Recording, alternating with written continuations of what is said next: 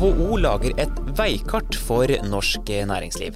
Men hvordan blir det egentlig å navigere nå som koronakrisen har endret alt? Og hva er veien ut av krisen for norske bedrifter? NHO-direktøren har sagt at vi kommer til å preges av dette i nesten ti år framover. Ole Erik Almlid er vår gjest i Innopoden i dag.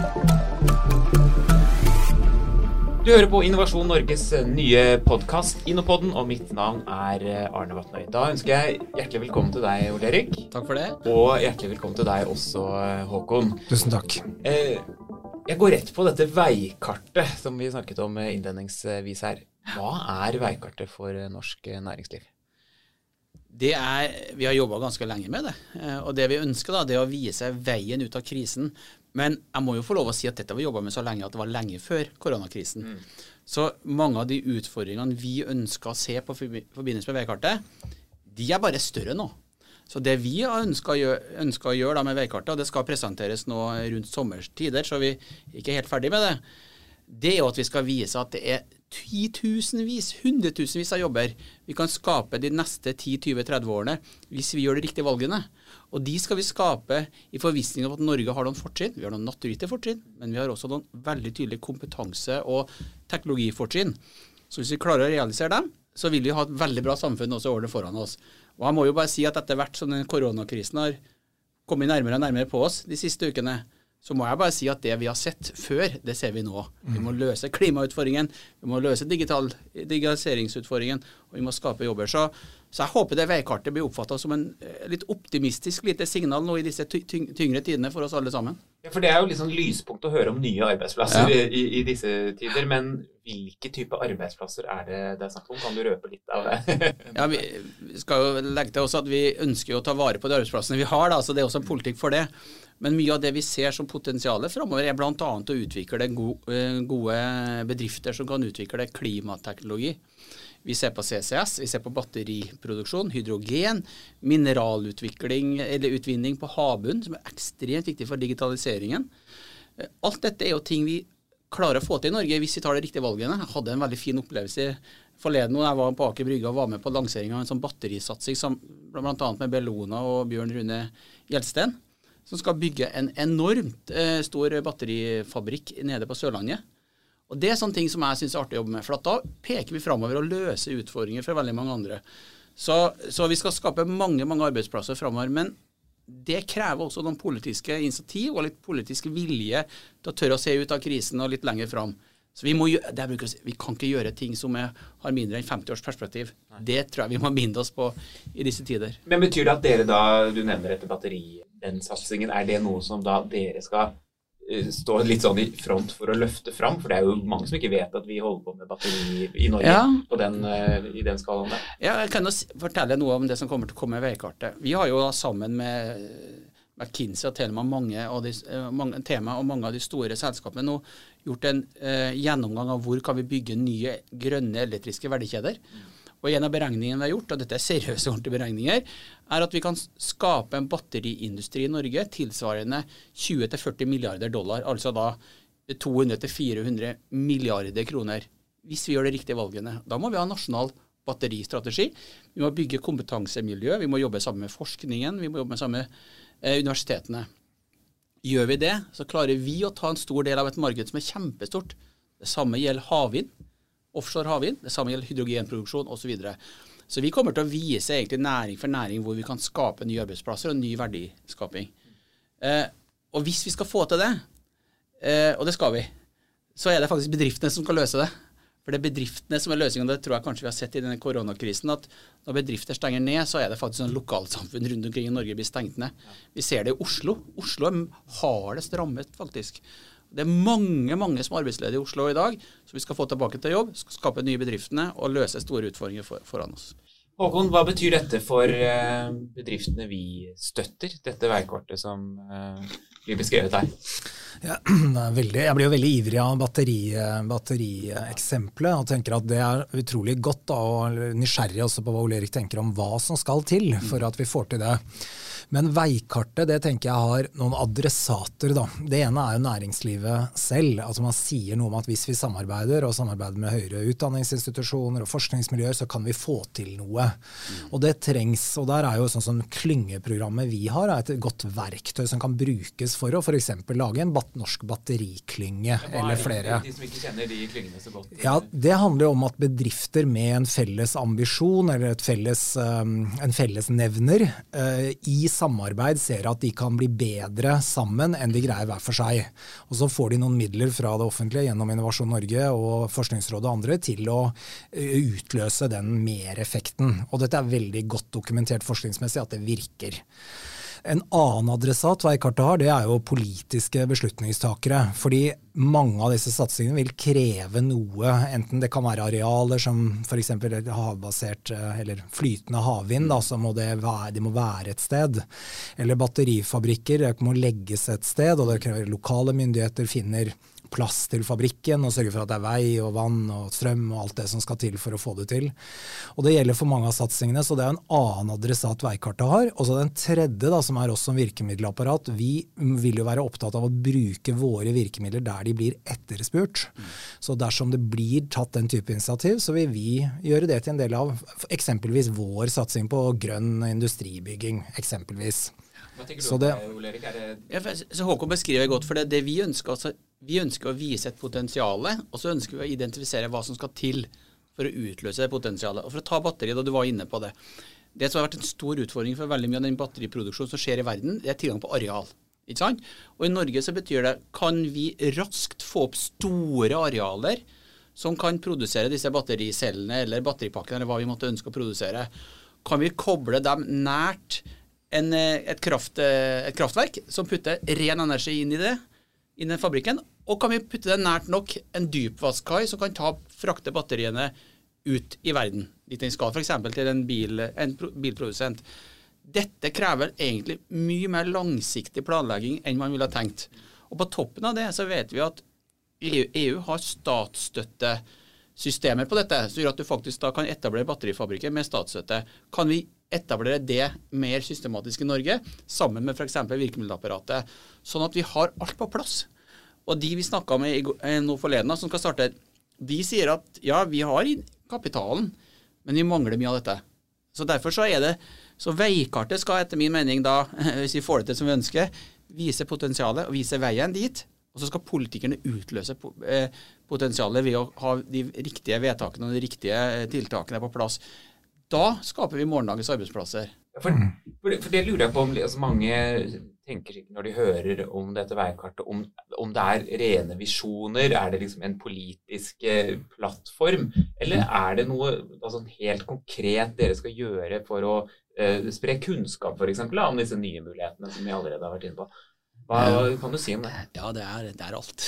det er, men det er det, altså. Det er visjon. Så greit, da slipper vi å lure. Ja. Nei, ja, men Det er et kjempegodt spørsmål, og det er så ekstremt herlig å svare på det spørsmålet ditt. For at faktum er at det ligger bunnsolide analyser. Vi har samarbeida med Sintef, med flere universiteter, med noen utenlandske eh, akademiske miljøer. Så det er et voldsomt godt grunnlag i bunn. Og så tar vi det opp og viser potensialet, og så viser vi politikk. Så det er nesten Jeg vil jo ikke si at det er vårt politiske program, men det er jammen ikke langt unna. Mm. Eh, på område for område. Og så blir dette et veldig stort materiale som kommer til å ha noen sånne enkle uttak. Men for oss er det jo veldig viktig at dette ikke blir NOs veikart. For det skal ikke være NOs veikart, det skal være hele Norges veikart. Bedriftenes veikart, Innovasjon Norges veikart. Vi vil ikke ha noe eierskap til det utover at vi klarer å utløse noe. Så hvis vi klarer å skape en debatt og være i podkaster sammen med dere om, og snakke om dette, så vet jeg at bedriftene blir veldig glad for det. Mm. For de er klare for de er klare til å gjøre det. Det er hyggelig å sitte her sammen. Eh, Håkon, hva, hva tenker du om, om samarbeidet rundt eh, norsk næringsliv i, i fremtiden? er vi på rett eh, kurs ved å være i podkaster og andre Kanskje gjøre et par flere grep da, for at vi er på samme veikart? Eh, jeg syns det er stas med podkast, men jeg tror det er veldig mye mer som skal til. Men eh, sånn jevnt, Innovasjon Norge eksisterer bare fordi det er behov for oss i næringslivet.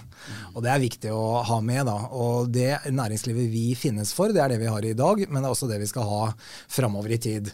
Så Veikartet vil jo bli et veldig, som NHO lager da, på vegne av mange, det vil jo være viktig for oss også på å forstå hvordan næringslivet tenker nå og framover.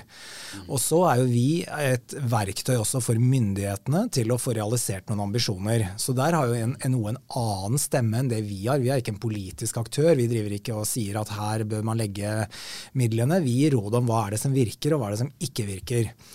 Og det er jo der tenker jeg dette begrepet som Ole Erik eh, bruker, om grønne verdikjeder, det er veldig godt. Har dere funnet på det sjøl? Jeg ble nysgjerrig på det. Ja, Vi har i hvert fall kalt det det. er nok grønne elektriske verdikjeder. Elektriske, ja, ja. Og det er, men det er grønne verdikjeder som egentlig utfordrer litt den tradisjonelle sektortilnærmingen. Yes. Og det vi ser er at det er milliarder av verdiskaping å utløse på det. Det, det, det, er veldig spennende. Også. Ja, det er superspennende. Det er jo også noe med sårbarheten i verdikjeder òg. Hvis én bit mangler, da, eksempelvis batteriene produseres, men kan ikke fraktes ut av landet, okay. så er det jo helt kritisk. Så det, det, å greie å se helhetlig rundt det der, er jo noen spennende programmer vi kjører. Pilot E f.eks., som ja. ser på både tilbud- og etterspørselssiden samtidig. Ja, Pilot E er en veldig bra til, det er jo verdikjedetilnærming. Det er det det er. Og det er jo eksempelet jeg har pleid å bruke, at det er jo ingen som kjøper en elektrisk eh, båt før det er en ladestasjon ladestasjon på kai.